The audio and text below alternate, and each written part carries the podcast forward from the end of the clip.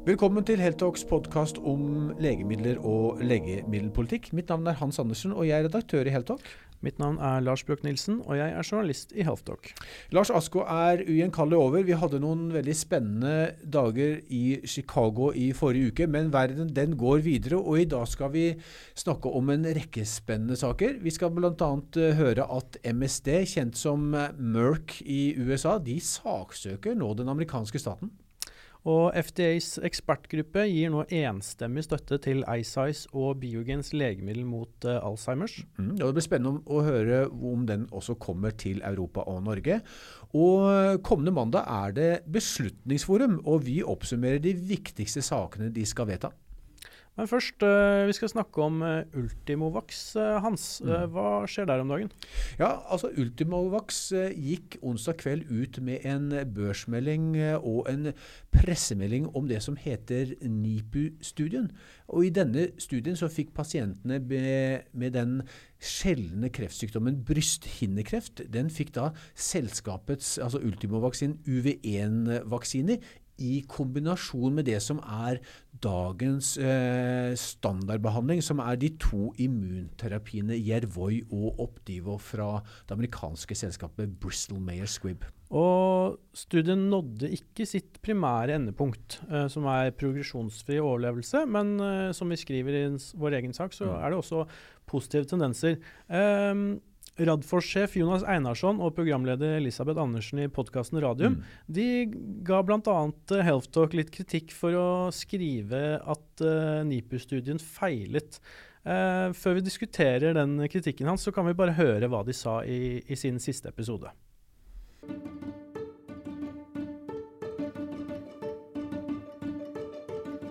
Jeg må si jeg ble ganske skuffa da jeg så overskriftene om dette her, om denne saken, i både Health Talk og Medwatch. Og grunnen til at jeg blir skuffa, er fordi dette her er eh, skrevet av helsejournalister, noen til og med med medisinsk bakgrunn.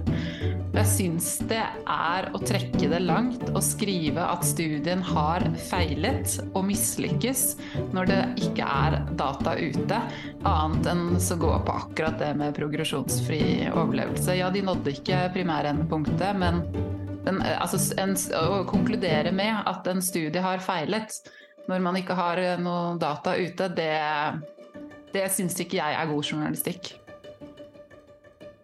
Hans, nå når vi har hørt eh, kritikken, hvorfor skriver vi i vår sak at eh, denne studien feilet? Ja, Det er jo faktisk det som står i pressemeldingen. da. Eh, veldig kryptisk riktignok, skal komme litt tilbake til, eh, til, den.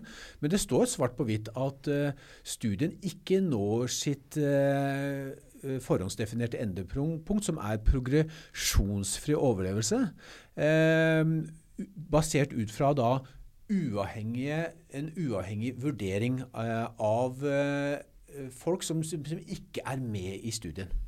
Men så, uh, litt lenger ned i pressemeldingen, og som vi også skriver i artikkelen, riktignok ikke i overskrift og ingress, så har da de forskerne eller de sykehusene som har vært med i studien, der har radiologer sett på bildene av kreften og funnet ut at eh, hei, her ser det ut til at det kan være slik at eh, de progresjonsfrie dataene faktisk er statistisk signifikante. Og Det står også at det ser ut til å være positive tegn på økt overlevelse også med, med, denne behandlingen. Vi kan jo si det, Hans, at uh, vi gjennom de årene vi har jobbet med farmajournalistikk, så har vi fått ganske mange pressemeldinger mm. uh, innsendt. Mm. Uh, en ting som går igjen, er jo at de studiene med negativt resultat, hvor man ikke har oppnådd det primære endepunktet, de presenteres jo gjerne Eh, og sendes ut i media, gjerne med eh, tittelen eh, 'Her kommer vi med en oppdatering på denne studien'. På samme måte som man eh, gjorde her, mm. eh, når dette ble sendt ut som eh, presse- og børsmelding. så det er jo liksom ofte det første tydelige signalet der vi går inn og vet at mm. vi kan forvente at her kanskje er det et negativt resultat.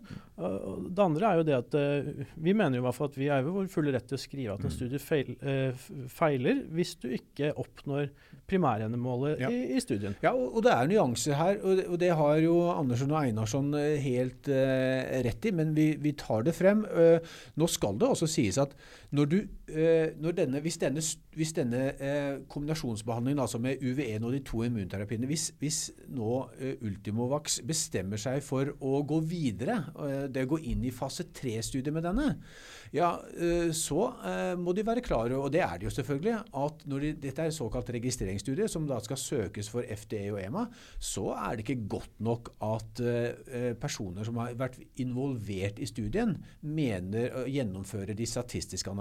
Da må du selvfølgelig, akkurat som en revisjon av et regnskap, være helt uavhengige aktører som gjør det. Så, så så det er på en måte det som er standarden for å godkjenne studier. Men eh, vi får nå høre, da, eh, etter det vi forstår, så vil eh, de, disse dataene eh, fra eh, forskerne, eh, som da kan se ut til å, å være statistisk signifikante, de skal da publiseres på den store europeiske kreftkongressen ESMO, som må være i Madrid i oktober. og Der vil vi også være til stede. Eh, en av de to store kreftkongressene som er, eh, er årlig. Eh, når, når, du skrev den saken her, Hans, så mm. snakka vi jo litt sammen om at dette, dette, det er en ganske vanskelig kreftform som Ultimovax, eller som har blitt plukket ut til, til denne studien her med UV1-vaksinen. Ja. Kan ikke du si litt om det?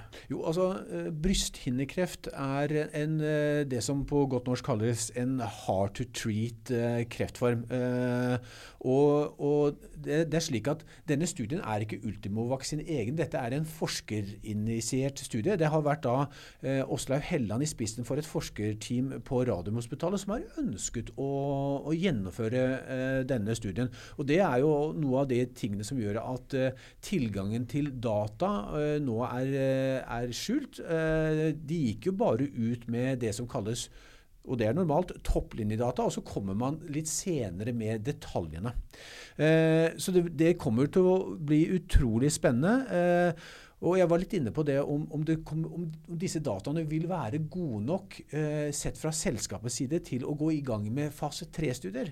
Eh, det er jo ikke bare markedet som, som, skal bestemme, det er selskapet selv. For det vil i så fall koste mange hundre millioner kroner, kanskje opp mot en milliard kroner, å gjennomføre en sånn studie. Og da må selvfølgelig også Ultimovax ha med seg en internasjonal partner. Og det vil helt typisk være Bristol May Squibb i, de, i denne omgangen.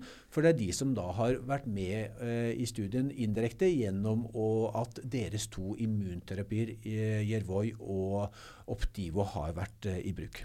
Du var jo også inne på at man venter jo nå spent på data på andre studier som uh, vurderer denne kombinasjonen i andre kreftformer. Mm. Eh, Bl.a. Eh, føflekk. Kan ikke du ja. gå litt inn på hva som skjer der? Og, ja. og, og den spennende situasjonen som går med på hva, hva som er innenfor konkurranse ja. på dette feltet? Absolutt. Altså, Intium-studiene som du nevner, det, det, er en studie som er uh, Ultimovax egen. der tester de ut sin UV1-vaksine sammen også der med de to immunterapiene Yervoy og Optivo da i førstelinje føflekkreft, eller melanom som det heter på fagspråket. Det er en veldig stor kreftdiagnose, og, og som, hvor immunterapi har vært etablert eh, i mange år. Det var faktisk eh, den første eh, immunterapibehandlingen. Jervoi kom først eh, innenfor eh, føflekkreft. Så, så, den studien kommer før jul. Men som du er inne på, Lars, her er det jo tøff konkurranse. Så det er jo ikke slik at selv om denne Intium-studien lykkes, så vil eh, markedet ta helt av, og børskursen vil stige igjen. Nå falt den jo, som vi vet, rundt 30% på de dårlige nyhetene som kom i forrige uke. Men, men her, er som, her, er det jo etablert eh, veldig god behandling eh, med andre immunterapier, bl.a. Eh, verdens største immunterapi, Keytruda, eh, og selvfølgelig Bristol Mayor Scribb sin egen Jervoi Optivo, som da uh, denne uh, immunterapien fra, eller denne vaksinen fra skal, skal, da slåss mot på, på, sånn sett. Så har MSD de har også flere kort opp i ermet. MSD har akkurat kommet med veldig gode fase 2-data, der de kombinerer Keytruda med kjemoterapi. Eh, så det har vi skrevet om, bl.a. blant annet. Og på ASKO så kom jammen meg også eh, MSD, eller Merck, da, som det heter i USA. Ketruda eh, i kombinasjon med det som er en mRNA-vaksine. Eh, som vi har et eh, lengre intervju med med Anna Wingemein, som er eh, onkolog på Radiumhospitalet. Hun var jo i Chicago eh, på ASKO og forteller om denne studien. Og her er det oppsiktsvekkende gode data, som er en annen type teknologi enn den eh, UV1-vaksinen representerer. Ja, dette er jo en, en, teknologi som mange nå har blitt kjent med gjennom koronaperioden, mm. med koronavaksinene, og som nå viser seg at dette kan virkelig være lovende på på et så stort område som kreft også. Absolutt. Og på, på denne Intium-studien, altså på, på uh, føflekkreft, så er det helt åpenbart det er en unison uh, forståelse fra markedet, og jeg vil tippe også fra Ultimovax, at her må det lykkes. Hvis ikke så vil det bli veldig vanskelig å overbevise investorer, uh, og seg selv, for å si det sånn, uh, at dette, denne teknologien har en plass i behandling. DNBs Geir Hiller Holom skriver jo, sier jo rett ut til Finansavisen-bladet at det vil være en, en, dersom denne studien ikke lykkes, så vil det være katastrofalt for selskapet, sier han. Um vi kan jo gå litt uh, videre. Uh, hvis ikke var, var, Er det noe mer du tenker det er viktig å legge til om akkurat uh, Ultimovax-studien altså, nå? Jeg vil si at Ultimovax er jo et veldig godt og spennende selskap. det er jo, Den har jo i motsetning til de fleste biotech-aksjene ikke vært med på dette skal vi si, svalestupet på børsen som de aller fleste biotech-aksjene har, har, vært med på. Nykode inkludert, og selvfølgelig masse utenlandske biotek-selskaper. Men nå kom altså et kraftig fall på børsen for uh, Ultimovax pga. disse dårlige dataene i, i brysthinnekreft. Uh, men, men, det skyldes at markedet har sett på NIPU-studien som det første beviset på, dette, på det potensialet som uh, kreftvaksinen UV1 uh, har. Og det som, vi, det som er veldig klart, det er jo at fra, fra, fra biotek-aksjer som har på en måte vært Eh, nærmest eh, vaksinert for børsnedgang, eh, så, har de blitt hardt rammet. Og det er nå dataene som altså de kliniske dataene som markedene ser på, som bestemmer kursen på disse selskapene. Så det er vanskelig nå å skjule seg bak eh, at det er en spennende teknologi, at det er et stort marked osv. Det holder ikke lenger. Nå må Eh, fakta Nå er det eh, nå er Data is king. Ja. Det, det, som det sier, det, it's the economy stupid. Eh, her er det it's the data stupid som faktisk uh, gjelder. Så, så, det er uh, et helt avgjørende for Ultimovax at de lykkes. Dette er et enproduktselskap uh, som har satset alt på én teknologi og de tester den sammen med annen immunterapi. Så, så det er klart at, uh, som Holom sier, uh, hvis, de lykkes, hvis de mislykkes nå på den, sin egen initierte studie på melanom, så vil det være svært svært alvorlig. Men vi krysser fingrene, selvfølgelig. Vi gjør det. Dette er, et, eh, dette er et norsk biotekselskap, spennende, som vi selvfølgelig Eh, følger spent med på, og håper jo selvfølgelig at eh, de skal lykkes. Eh, men vi må jo være ærlige i rapporteringene på, på det som faktisk skjer. Absolutt. Og som vi sier, dataene snakker jo. Og, og kanskje et lite hjertesukk til de som jobber med investorkommunikasjon og pressekommunikasjon i Ultimovax. Altså, når vi fikk vi, vi satt, Du og jeg satt på, på, i New York på, på JF Kennedy-flyplassen eh, seint på kveld amerikansk tid. og og fikk eh, denne pressemeldingen, uh, børsmeldingen. Der står det eh, Overskriften er 'Ultimovax provides update on phase 2 NIPU trial evaluating UV1 in second line patients with malignant pluralum mesotelioma'.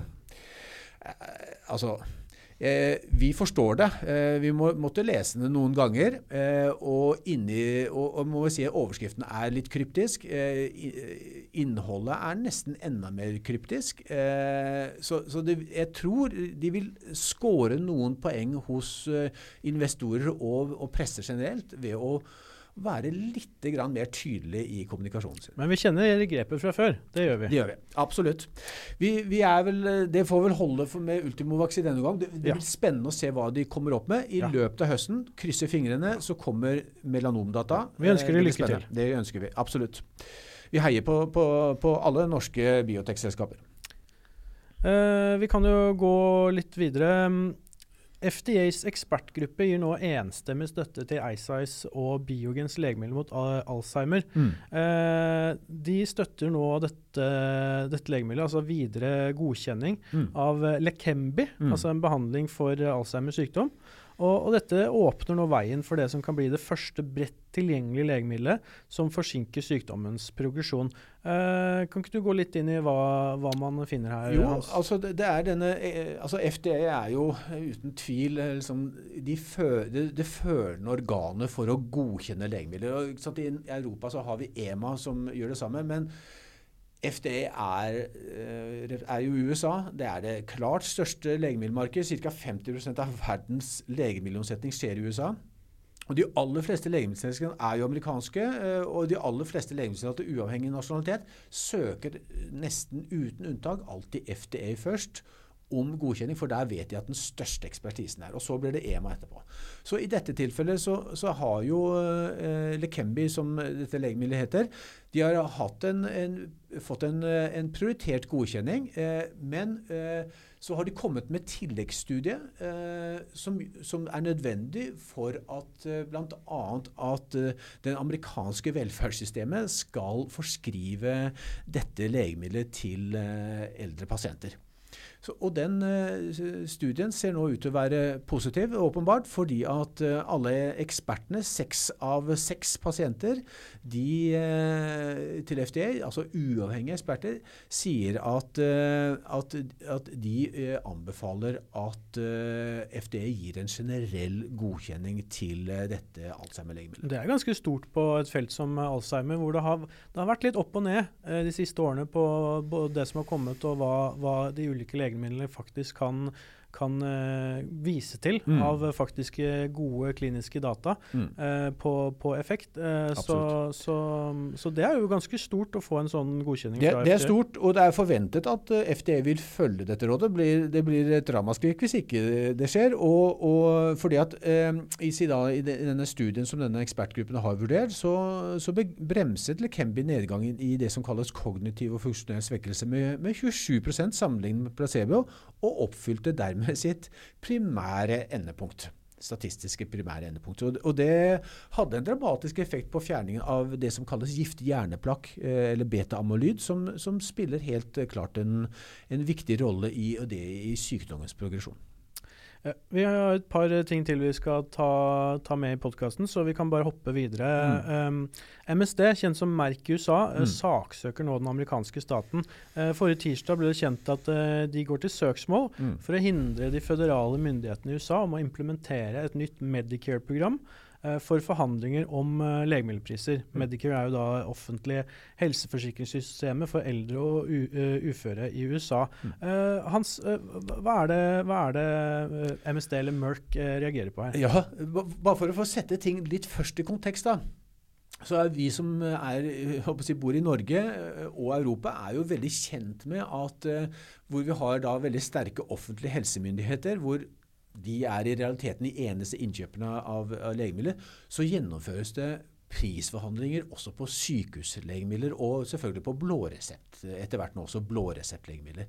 Det er på en måte standard eh, operating procedure i, i Europa.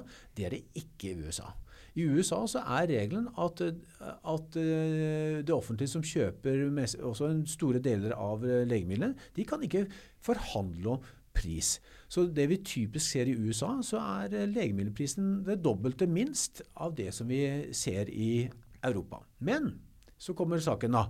Eh, i, i, I henhold til denne Inflation Reduction Act, som inneholder en rekke eh, ting hvor legemidler ikke er det vesentligste, så har regjeringen, altså Joe Bidens regjering, de har foreslått at det skal kunne være mulig åpne for prisforhandling med eh, legemiddelindustrien.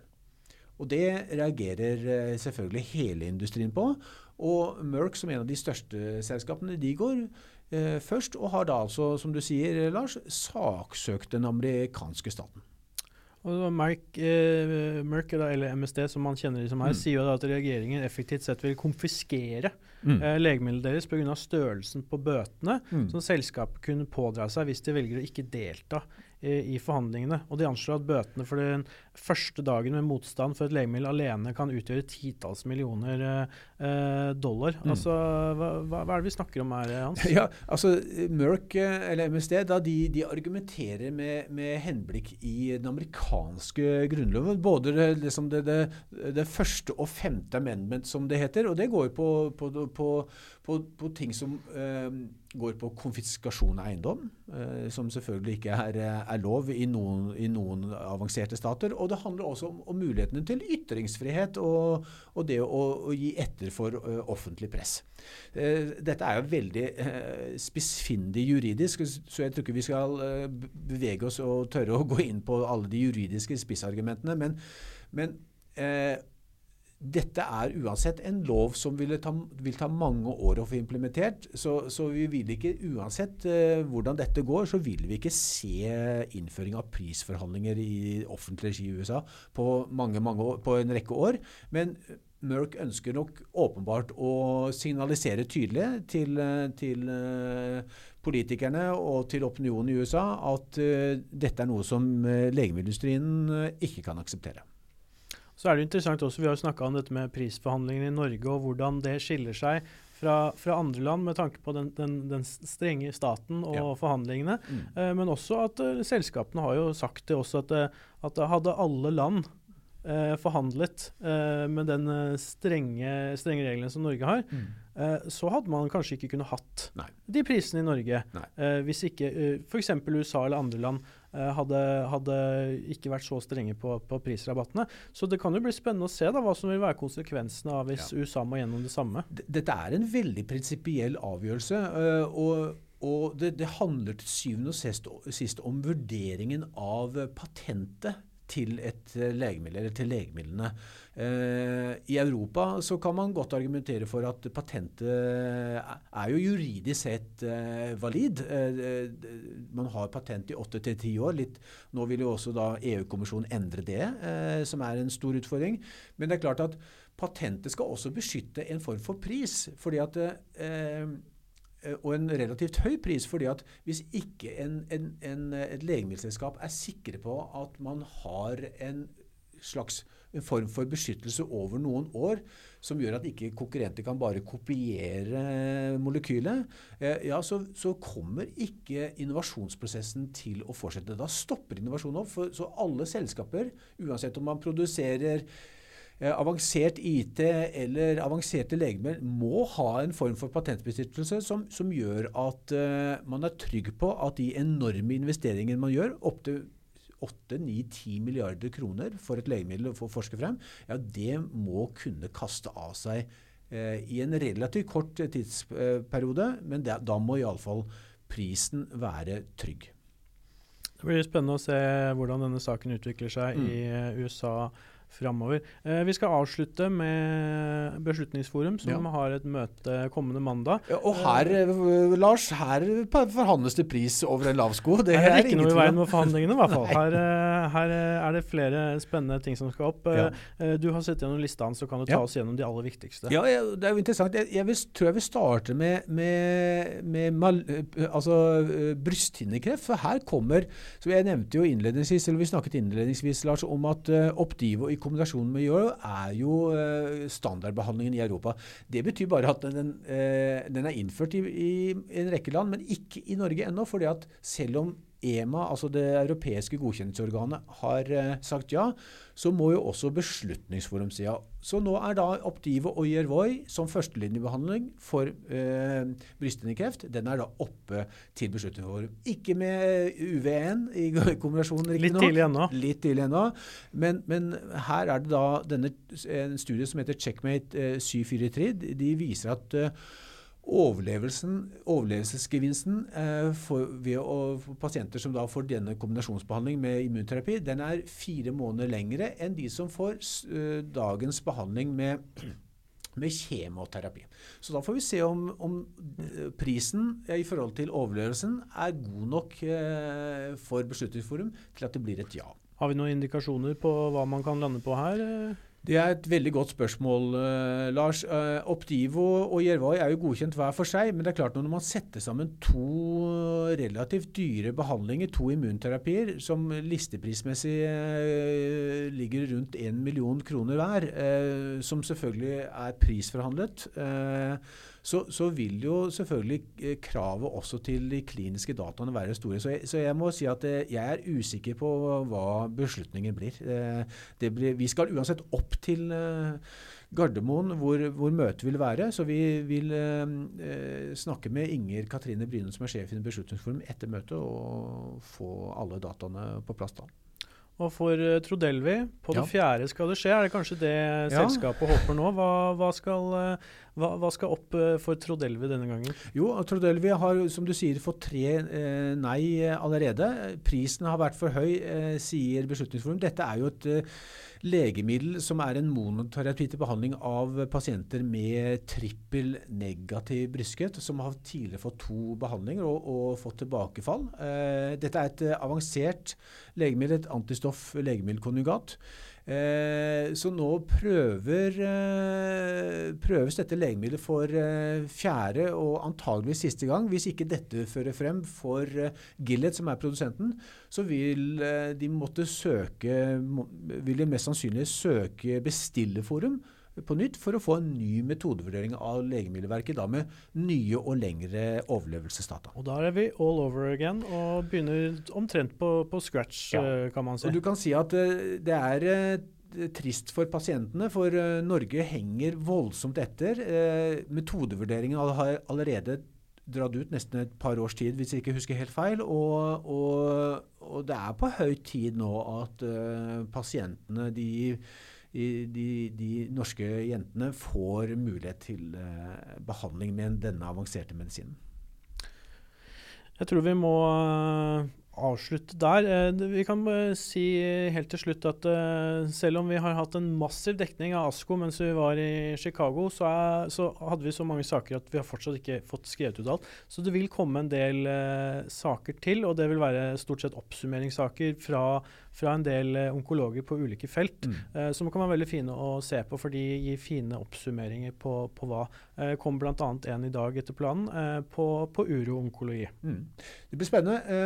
Vi får takke for følget som vi pleier, Lars, og håper at folk deler uh, podkasten og liker oss, og gir oss fem stjerner på den uh, podkastspilleren som du bruker, for da får flere anledning til å lytte til oss.